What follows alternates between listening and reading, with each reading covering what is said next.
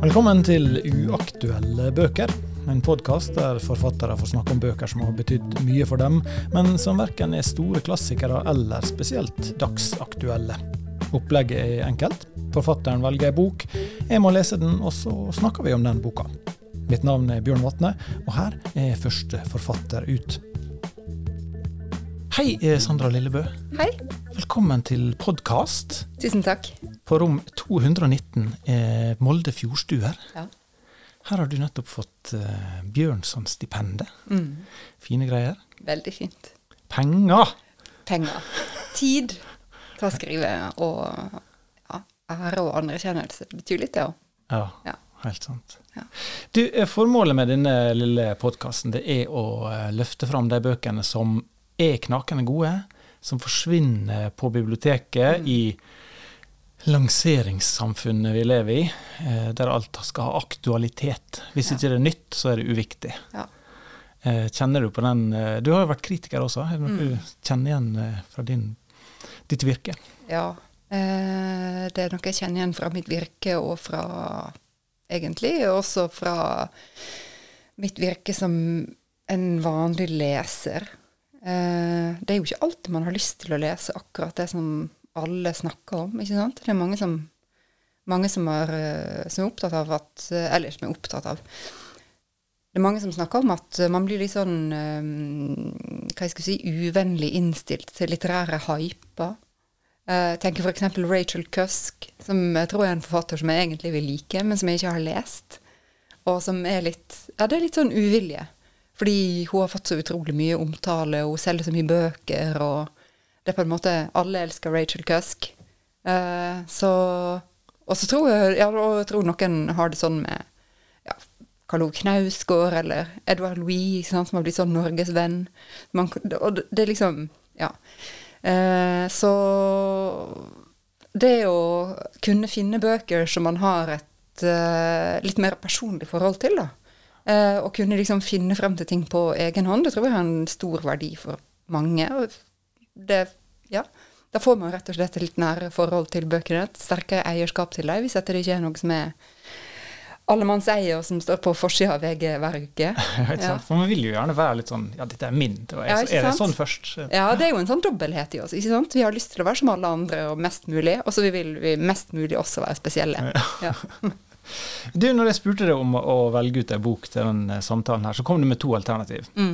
Hva det var det slags eh, bøker? ja, det ene var Kristoffer Uppdal, 'Trolldom i lufta'. Eh, som er en del av hans eh, romanserie 'Dansen gjennom skuggeheimen'. Som jeg ikke har lest. Jeg har kun lest den som er 'Trolldom i lufta'. Og som jeg egentlig bare har lest fordi det er en roman om Ålesund. og som jeg aldri har lest før. Eh, men som er Ja, det var egentlig eh, Det var faktisk da jeg intervjua det for Vagant. Så eh, for, for, et, for noen år siden så snakka vi liksom om Fordi, eh, fordi eh, 'Nullingen av Paul Abel', din roman, den foregår jo i Ålesund. Eh, og da snakka vi litt om hva slags Ålesundsromaner det finnes. Og det finnes ikke så mange. Eh, men eh, det finnes jo den her 'Trolldom i lufta', Ja. som Kristoffer Uppdal har skrevet, og som du nevnte, da. Um, og der jeg sikkert nikka med og ga uttrykk for at jeg hadde lest den, men det hadde jo da ikke. Så da jeg kom tilbake til Bergen igjen etter det intervjuet, så gikk jeg på Boksalongen, eh, en bokhandel i Bergen, eh, og, og, og spurte om de hadde den. Ja. Og det hadde de ikke. Men de la inn en bestilling på den, og så tok det to år.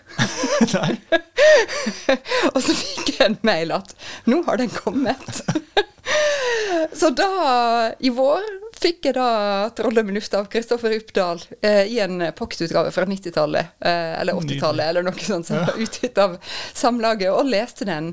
Og, og syns jo at det er en fantastisk god bok. Ja, ja, ja. Ja, og, og som er aktuell på så mange måter. Og så er det jo ja, det er jo dette her også med den at, at uh, den forteller jo av sånn den, den eh, foregår jo i Ålesund i tida rett etter bybrannen i 1904. Og som er, en, er jo en historie som alle som vi som har et forhold til Ålesund, eh, har et sterkt forhold til. da, og så Særlig som barn. ikke sant, Dette her å forestille seg en hel by i flammer, og hvordan det må ha vært etterpå. ikke sant, Å leve i ruinene osv. Ja. Uh, og som er bakgrunnsteppet for den romanen her, da. Uh, så det syns jeg jo i seg sjøl var veldig spennende. Og så viser det seg jo at den berører jo en del ting som jeg også er opptatt av, som klasse f.eks., og arbeiderbevegelsen og, og um, ja, slike ting. Mm. Så, så, derfor tenkte jeg på den da når du, når du, spurte om hva jeg ville snakke om. Og så var det jo en annen bok da, som er den vi faktisk skal snakke om. Ja, og som fikk meg til å nesten liksom stusse litt når jeg leste tittelen. For det er jo en forfatter som jeg, jeg mente å ha et forhold til fra før, men denne boka her hadde jeg da aldri hørt om. Eh, og det visste seg at han har jo eh, da eh, en god del bøker som jeg aldri har hørt om. Eh, ja. det sier jo kanskje mer om meg enn en, det, fin, det, sier jo generelt at det, liksom, det, finnes veldig mange bøker i verden. Det, det kan vi slå fast, ja. tror jeg. Ja. Eh, men den forfatteren her er altså Sven Lindqvist, den mm. svenske forfatteren bak det som for mange på den norske venstresida i hvert fall er litt sånn obligatorisk lesing nemlig 'Utrydd hver enda jævel', eh, som, eh, som, er kommet på norsk. 'Utrydd hver eneste jævel', som du ikke har lest. Som jeg ikke har lest i det hele tatt! Men som var min inngang til, til han, eh, og som jeg syns var, var, en fascinerende bok. Men jeg tror jeg leste det da på omtrent sånn på, på, det tidspunktet da jeg leste 'Bestialitetens historie', og var nok veldig sånn inne på det ja. sporet der, da. Ja. Eh, og så syns jeg det var kult at den var liksom henta et sitat fra Colonel Kurtz okay. i 'Apokalypse nå'. Ja, ja, litt sånn. Eh, eh, men den boka her som vi skal snakke om, 'Benkpress', hadde jeg da aldri hørt om. Mm. Eh, hvordan kom eh, den boka det i hende? Ja. Eh, den kom eh, som så mange andre bøker, og som egentlig alle bøker som er verdt å lese, syns jeg, da. Så kom den via en annen bok. Eh, det er litt Det er mange tilfeldigheter. Det begynte jo med at i fjor så ga jeg ut en roman som heter 'Tingenes tilstand'. Og litt utpå høsten 2020 så var det et svensk forlag som kjøpte rettighetene til den. Og så begynte jeg å følge det forlaget på Instagram. Og uh, når jeg fulgte dem på Instagram, så kom det frem at de skulle gi ut en bok som heter 'Knebøy'. Av en uh, debuterende forfatter, en, en, som heter Sara Martinsson, som er um, journalist i Dagens Nyheter. Eller kommentator. Og hun skriver om idrett og musikk. Ja. ja. Uh, og hun skulle gi ut en bok som heter 'Knebøy', uh, som handla om kvinner og styrketrening. Og det talte veldig til meg, fordi jeg hadde akkurat begynt, begynt akkurat å trene styrke den høsten. Uh, og da tenkte jeg jo veldig at, at, med en gang selvfølgelig at ja, den vil jeg lese, det er, det en bok for meg. En sakprosabok. Um, og det er en um, utrolig god bok. det er jo en Det handler om um, hva jeg skulle si. Ja, det handler, det handler jo om, handler om kvinne- og styrketrening, eh, men fra et filosofisk perspektiv, da. Det er en litterær type sakprosa som, som eh, Ja, som, som, handler om, eh, om hvordan eh, hvordan dette her med, med styrketrening og eh, muskelvekst på kvinnene eh, har blitt sett på gjennom tidene, og hvordan man på en måte kan belyse det fra et filosofisk ståsted. Da. Hun bruker mye den uh, franske filosofen Maurice Merleau-Ponty og fenomenologien. Mm. Uh, så, og i den boka så var, var Sven Lindqvist og benkpress en referanse som hun stadig kom tilbake igjen til. Og Sven Lindqvist ja, hadde jeg aldri hørt om. Nei. Uh, og uh, jeg hadde ikke noe forhold til han. Jeg visste ikke at det var en viktig figur på venstresida. At det var noe som man obligatorisk sett måtte forholde seg til. Så, men uh, da bestilte jeg den, da. og leste den. og ble jo veldig fanga av, av, den også. Syns den, eh, det er en Ja, den sammenfatter veldig mange av de tingene som, som jeg er opptatt av, og gjør det i en litterær form som er særegen mm. og, og, god. Mm. Ja, for det her er da det er jo en bok om benk benkpress. Det er en bok om benkpress. Rett og slett. ja. Jeg tenkte jo når jeg leste tittelen ja, men det kan ikke være det. Men det er det faktisk. ja. eh, ei litterær bok om benkpress som har en form som Hva skal vi kalle det? da? Et, et essay? Et ja. springende ja. punktessay? Det ja. høres forferdelig kjedelig ut når jeg sier det, for å høre, kjenner jeg, men, men ja, du liker jo sånt, da. Jeg liker, sånt. jeg liker jo en fortelling, da. Ja, Du vil at sidene skal henge sammen, oh, liksom, at det skal stå mye på hver side. Ja, mm, Men her står det ganske lite på hver side, i hvert fall på mange sider. Mm. Det er til og med noen illustrasjoner som er henta fra ulike, ulike bøker opp gjennom tidene. Men, men, boka kretser på en måte rundt et uh, forandringspunkt i hans liv, der mm. han er i, uh, i badstua etter det, etter ja. å ha vært på svømmehallen. Så kommer det inn en mann, da. Ja. Et, et, et, beist av en mann, ja. rett og slett. Uh, som er liksom skikkelig sånn tilskåren, muskuløs, mm. glattbarbert på hodet. Ser ut som han virkelig er trøbbel. Ja. og hans første impuls er jo en veldig sånn avsky. Ja eh, dine Hvorfor vil han liksom være sånn? Ja, ja, ja. Det er fantastisk den beskrivelsen av liksom Men samtidig så ser du, kjenner du nesten sånn eh, småerotisk tiltrekning mm. til dette dyret da, som kommer inn. sant? Mm. Eh, og så kommer det i prat. Og hva, hva skjer da? Nei, eh, det er jo det som er så interessant, at han har jo en eh, Det som du sier, at det er jo en dobbelthet der. ikke sant? Det er nærmest erotisk tiltrekning, men det er også en avsky.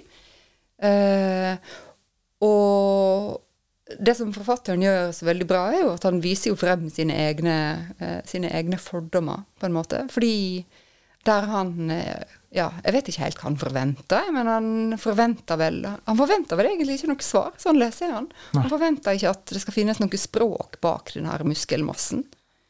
Men så begynner den her eh, muskuløse, dette her muskuløse beistet å snakke til han om hvordan han kommer seg ut av depresjonen gjennom å begynne med styrketrening og ja. ja. Eh, og hvordan det har gitt en dybde og mening til livet hans.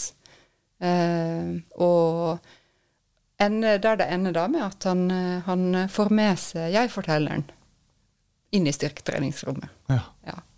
Og det er jo Sven Lindqvist. Altså, trenger vi å si jeg-fortelleren her, eller er det, er det et skille? Jeg er litt usikker. Ja. Eh, litt usikker, Men det, det, er jo en sakprosabok, er det ikke det? Det er en litterær sakprosabok. Ja, jammen usikker. Og, og, men Sven Lindqvist var jo da veldig imot sjanger i det hele tatt. Altså Han ja. ville at leseren skulle gå til hans bøker og tenke eller ikke tenke noe som helst. Hva jeg stille som liksom veldig blank, og så ja. bli overraska. Forhåpentligvis positivt. Høres ut som en god tilnærming. Ja, jeg ja. tenkte det var noe som mm. ville tiltale det. Mm. Men, men ja, det var jo ikke, men kan jeg si det, for det var jo ikke det som tiltalte meg i begynnelsen. Jeg ville jo lese om benkpress. Ja, okay.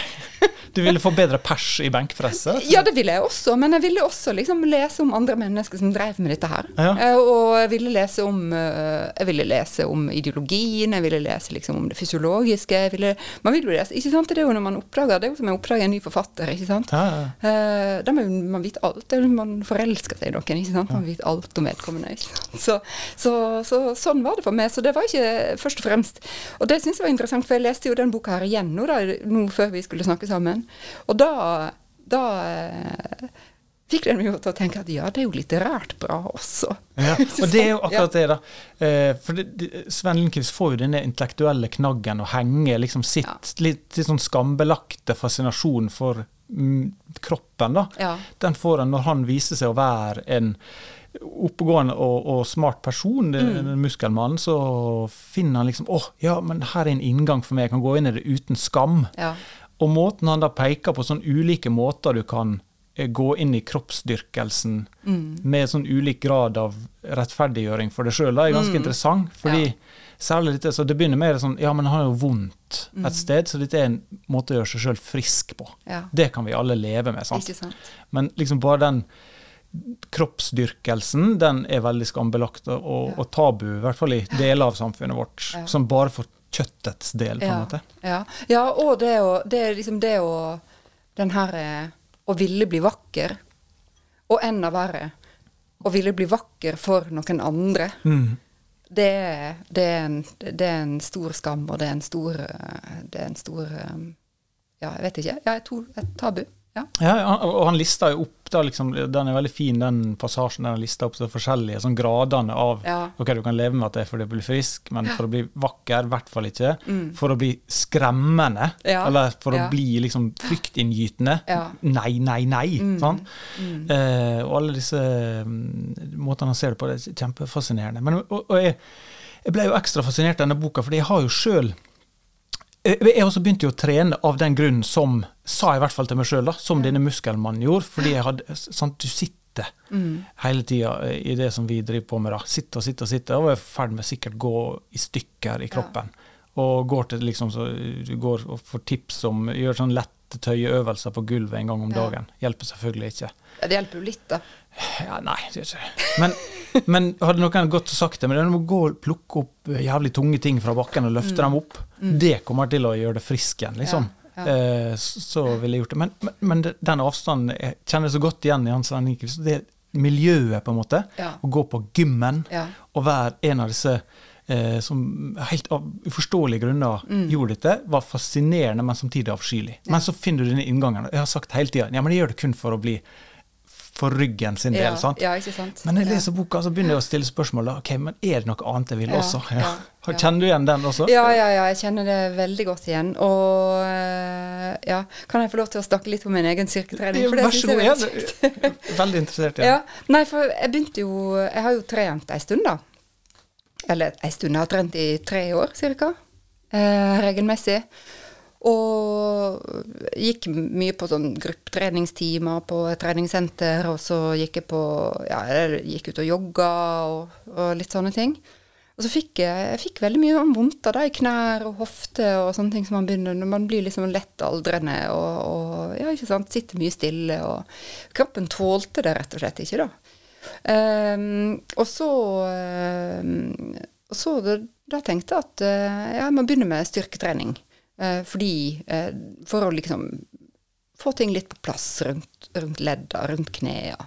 Eh, så jeg begynte å trene, trene, med en trener, da. Eh, en gang i uka. Og en PT, rett og slett? En PT, rett og slett. Ja. Ikke sant? Som er halvparten som gammel, så gammel som meg, så liksom på alder med barna mine. Og som har liksom ja, det blir veldig, Nå kjenner jeg liksom alt blir feil. Nå begynner jeg liksom å tenke på liksom hvordan kroppen til PT-en min ser ut. og sånt. Interessant, men får, ja. ikke sant? Men jeg får lyst til å si det at liksom Ja, hennes kropp er på den og den måten. ikke sant? Men det er altså en veldig trent kropp, da. Mm. Uh, ja, og så er det jo det, det, aspektet også at eh, da mens jeg har gått på det treningssenteret og gått på de gruppetreningstimene, så har jeg liksom sett inn i styrkerommet og så har jeg sett på disse unge jentene som holder på å trene der, ikke sant? og de har sånne kjempestore rumper. Og så er de veldig smale rundt livet, ikke sant. Mm. Og så henger de i ei stang, og så kan de liksom, liksom ikke sant? løfte seg opp og mm. ned og gjøre det ene med det andre. Og som er, De representerer et kroppsideal som er helt annerledes eh, enn det som jeg sjøl levde under når jeg var på den alderen. ikke sant? Mm. Da var det liksom røyke ti Prins Mild om dagen og drikke bare Cola Light og ikke spise noe som helst, så, så, ligner du liksom mest mulig på det kroppsidealet. Så det er jo et kroppsideal som finnes i dag, som man kan si veldig mye om, men som er tross alt litt sunnere, tror jeg. da. Og så syns jeg det var veldig fascinerende dette der at det plutselig var greit for damer å bli sterke, for jenter å bli sterke, da. Mm. Som gjorde at jeg begynte med det. Og så hadde jeg egentlig tenkt at det var en ting som jeg skulle gjøre en gang i uka. Um, jeg hadde et mål, et sånt langsiktig mål om at jeg skulle klare å ta arm, strake armhevinger, for det som jeg aldri har klart. Jeg er 1,83 høy og har veldig lange armer. Så, så, fysiologisk sett så er det faktisk vanskelig for meg å ta armhevinger. Det sier PT-en min også. okay. det er ikke bare en unnskyldning her, men at det blir en veldig lang sånn ja, Musklene må jobbe veldig hardt da for å kunne ta armhevinger når man er laga på den måten som jeg er. Um, men så ble jeg jo rett og slett hekta på det, da. Eh, og både på det å kunne føle seg sterk, eh, og på at fremgangen kommer jo utrolig fort eh, når man er nybegynner. Man kan liksom veldig fort legge på eh, et stort antall kilo. Eh, økninga er veldig, veldig stor i begynnelsen. Men så er det jo også det at at jeg oppdaga at styrketreninga gir en form for konsentrasjon som, altså, som kondisjonstrening ikke har vært i stand til å gi meg. da. Eh, og som handler om uh, Ja, det er, en, det er, en, altså det er veldig klisjéfylt, det her, altså, men det, det, er jo nesten en form for sånn mindfulness.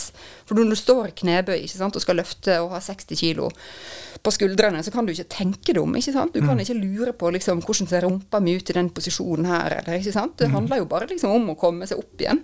Ja. Eh, og det eh, er rett og slett en uh, form for mentalhygiene som har gjort meg utrolig godt.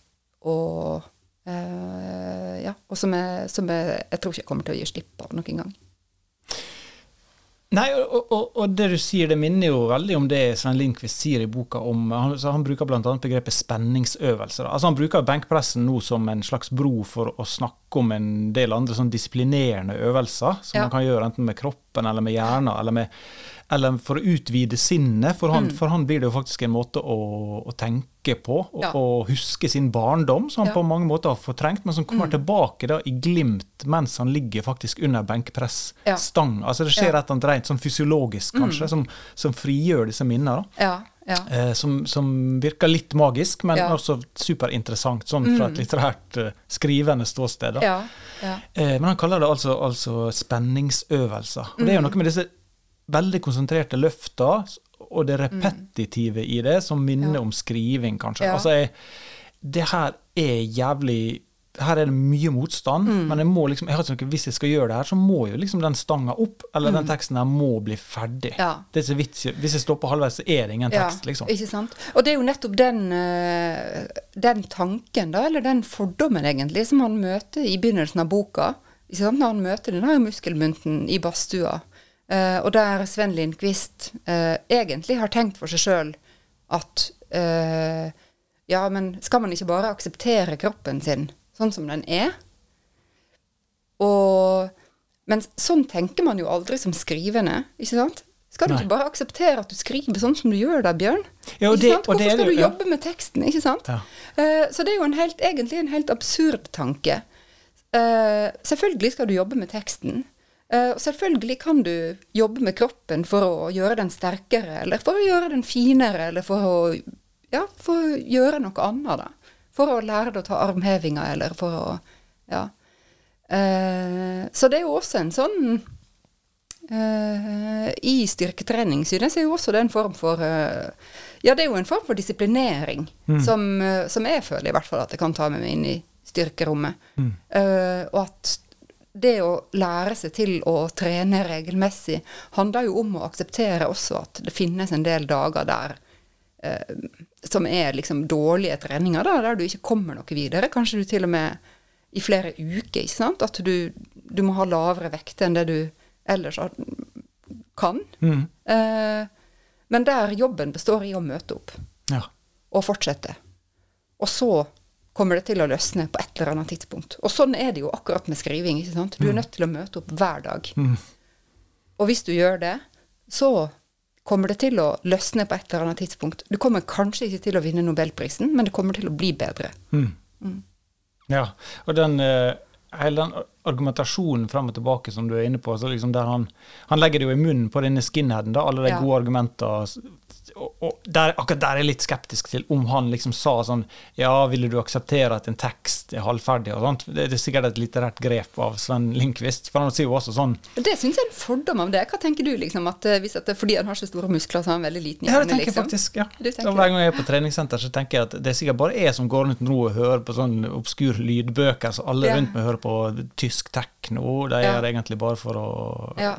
skal være flink i liksom dopdealerjobben. Ja, ikke sant. Ja. Nei da. Ja, men det, det, det, det, er litt sånn, altså. Ja, det er litt sånn. Men, men, men uh, man blir jo litt uh, Altså, alle sånne enspora ting som man holder på med, uh, blir man jo litt dum av også, ikke sant? Man blir, litt, man blir, litt, dum av å holde på med trening, men så blir man intelligent på en annen måte, da. Mm. Og man blir intelligent på den måten ja, at man blir i stand til å møte opp hver dag, selv om det ikke er kjekt. Mm. Alltid. Ja, ja for, og Svein Lindqvist fremfører liksom argumentasjonen sånn eh, Nei, vi må akseptere kroppen som den er, sånn som den er gitt oss. Det er det mm. naturlige. Og så svarer han her ja, men vil, skal vi gjøre det samme med samfunnet? Ja. Skal vi akseptere at samfunnet er sånn som det er, eller skal vi ja. gjøre noe for å forandre på det? Mm. Ja, men det er noe ja. annet, sier Svein Lindqvist. Og så, så, har det en liten sånn passiar som jeg syns er, er, veldig fint. Den er veldig fin. Um, men det handler jo også om, om Han gir ikke slipp på at denne sånn aggressive viriliteten er noe negativt. Da. Så mm. det, det, bevarer han på en måte gjennom hele boka, parallelt med at han sjøl blir mer og mer interessert i trening. Mm. og mer og mer han husker tilbake, altså Som liten så var han jo liten og feit Mm. og ble mobba. Og, og var liksom liv, Det verste han kunne tenke seg, det var å bli nullet. Ja. Som, var, Ja. som han har funnet faktisk en sånn linjegymnastikkbok som han leste Ja. da han var liten, eh, som minner meg sånn om Jeg har ikke lest disse bøkene, men jeg ser at det finnes sånn her eh, Bli best med, med, Med mental trening. Ja. Ja. Helt forferdelige bøker, også tror sånn, ja, med sånn Ja. tidligere eksmilitære som har skrevet Ja. litt sånn disiplinerende uh, Ja. Vil du være et null, eller vil Ja. du være nok et menneske? Mm, ikke sant? Og det har Sven Lindqvist liksom Ja. blitt fortalt helt siden han var liten og leste denne Ja. boka som heter en sånn svensk uh, gymnastikklassiker. da. Ja. Der en rasende forfatter liksom sier sånn til leseren Mm. Gå ut og bli noe, gjør kroppen din til noe, eller bli liksom meid ned av Mm. Ja. samfunnet. Det her er ditt valg. Ja. Så det, og da når han var liten, så gikk han ned i kjelleren til faren og fant liksom spettet hans og prøvde å gjøre sånn eh, muskeløvelser. Han ble jo aldri, Mm. Nei. ble jo aldri sterk og, og synlig på den måten. Ja. Som han har båret med seg helt fram til nå. Og nå får han liksom Ok, nå kan jeg angripe dette faktisk Ja. sjøl i voksen alder, og, og gå inn i det. Men det handler jo liksom om at eh, Jeg tror jo at alle de idealer som vi opererer med, og det gjelder jo i litteraturen og i samfunnet og også innenfor treninga, da, så at, at de er De er jo tvega, ikke sant? At de er At de er noe vi kan strekke oss mot, men de er jo også De kan jo også være potensielt ødeleggende, ikke sant? Og jeg tror jo at innen litteratur så, så holder vi oss også med kvalitetsbedømninger, ikke sant? Og estetiske, estetiske dommer eh, som, eh, som er til dels veldig brutale, og som legger begrensninger på hva slags type historie som vi får høre, og hva slags historie som vi, som vi ikke får høre. Og, og det sier ikke det at vi ikke skal ha den typen estetiske bedømninger, men, det, men at de er brutale, det tror jeg at de er akkurat som, som eh, altså, fysiologiske begrensninger kan være for det for et individ som ja, trener eller ikke trener. Da. Mm. Man bruker jo som sagt liksom, treninger som, som brekkstang eller tankeverktøy for å stille opp en masse sånn interessante paralleller med liksom, liv og, og tenking. Da, Mm. og, og, og dette med å imitere altså Det å løfte vekk det er på en måte å imitere arbeid. Når vi skriver, så imiterer vi liv. Det er en slags sånn slags sånn uh, mimesis-funksjon i dette her eh, Ja.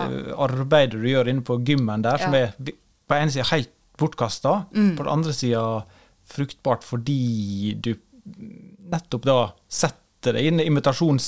Du må nødt til å tenke det arbeidet, på en måte, Ja. eller kroppen må, må utføre det, og så Mm. ja, skjer det et eller annet eh, som, som er veldig interessant. Men også eh, så går han veldig til en annen ytterlighet også, som er en sånn drømmevirkelighet, Ja. nesten. Altså det som er det motsatte, helt ukonkret. Det forsvinner inn i plutselig kjempeabstrakte små sekvenser. Ja. Eh, der det plutselig dukker opp en svensk presidentkandidat som Ja. har hjerne, Ja. hjernetransplantert Ja. eller etter, altså, som er helt sånn ut av det blå. Helt ut av det blå. Og som er også disse her med, med ørkendykkerne, da, som kommer stadig, stadig tilbake. Mm. Eh, og i den svenske utgaven av boka som, eh, som jeg har, da, så er det jo benkpress. Uh, er da i den, en sånn samleutgave sammen med nettopp ørkendykkerne. Som jeg ikke har lest, det må jeg si. Det var benkpress som interesserte meg på det tidspunktet, men jeg skal lese 'Ørkendykkerne' senere. Men som handler også om hans fascinasjon for, uh, for dykkere som, som rett og slett dyr, dykker da ned i uh, ja, ned i brønner som finnes i ørkenen for å rense dem og for å holde dem ved like. Og? Brønner som kan være opptil 70 meter dype, og som alltid for Sven Lindqvist har fremstått som et slags mareritt. Det er et slags fascinerende mareritt. Fordi ørken, som jeg har forstått etter hvert, også er et, et eh, tema og et bilde som kommer igjen veldig mye i forfatterskapet hans. Eh, så ja. Og det er jo Men den formen for eh, dagdrømming, eller den formen for eh, bilde som dukker opp i situasjoner der vi ikke alltid venter, det syns jeg kanskje liksom er noe av det, det som er det mest interessante med, med den boka her. Da. Han er jo også veldig opptatt av den menneskelige fysiologien, ikke sant. Fontanellen, for eksempel, Ja. på uh, nyfødte barn. Uh, han skriver jo blant annet om uh, ja, ikke sant, om, om nettopp om hvordan ulike mennesker forholder seg til fontanellen. Hva er det de tenker på? ikke sant? Dette her myke punktet som på en måte er inngangen til menneskets intelligens, men som også er vårt svakeste punkt. Mm. Eh, og han skriver om, og det vet jeg ikke om er sant eller ikke, men at visstnok på Kant, så Emanuel Kant, den tyske filosofen fra 1800-tallet, 1700-tallet, så, så, ble fontanellen aldri ordentlig grodd. Altså, det, forklarer jo en del. Den, ikke sant? Det forklarer en del. Men som sier liksom et eller annet om at, at uh, sårbarheten og, og intelligensen uh, henger sammen, da. Mm. Eh, og som er Ja, som står vel i motsetning til det kroppsbyggeridealet som, som, som finnes på gymmet. Mm. Sjøl er jeg jo mest glad i eh, Altså, Jeg ser jo kvalitetene i disse passasjene, mm. men som en enkel mann så jeg liker jo best når han er på treningssenteret. Når han går det. på ja. Mr. Universe eh, ja. i Göteborg og ja. sånt, og, og, ser på disse kroppene. da. Eh, det er jo en fantastisk sånn passasje i når han eh, og jeg vet ikke, Det er jo sikkert humoristisk ment, jeg skal, kan se om jeg klarer å bla opp her mens vi snakker. for, for han øh, blir jo stadig overraska over at han på en måte møter tenkende mennesker nede i den gymsalen der. da. Uh, og så her, ja, her en eh, Jeg skal få lese den på litt sånn tullesvensk. Ja. da.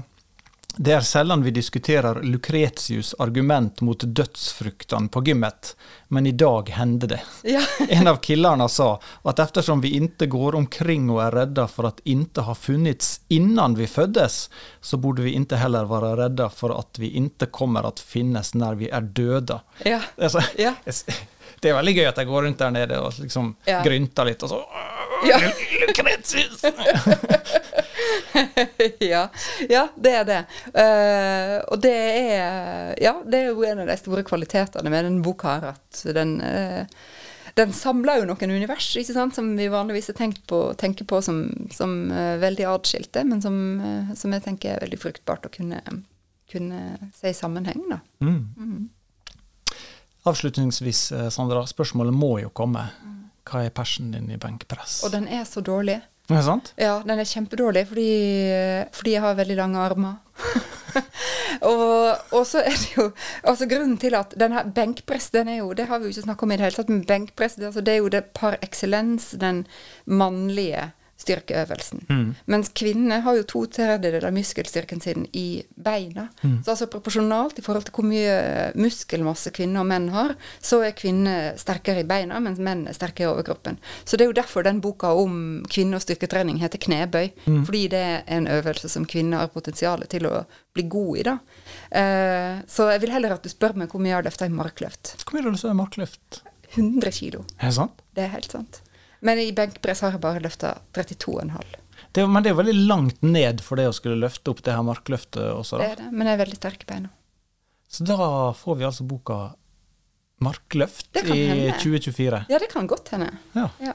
Det gleder vi oss til. Tusen takk, Sandra, for at du eh, introduserte meg for denne boka. Det har jeg hatt stor glede av. Det håper vi noen der ute også kan ha. Det håper jeg også. Og så håper jeg den blir oversatt til norsk, det må jeg jo si, fordi den Jeg tror jo ikke den finnes på norsk. Den gjør ikke det, og den er utgitt på ditt forlag, så her er det bare ja, å. Eller Sven Lindqvist er i hvert fall det, i Norge. Ja. Da eh, runder vi av her fra hotellrom 219 mens eh, ferga Selbjørnsfjord eh, toger forbi her ute. Takk for oss. Takk.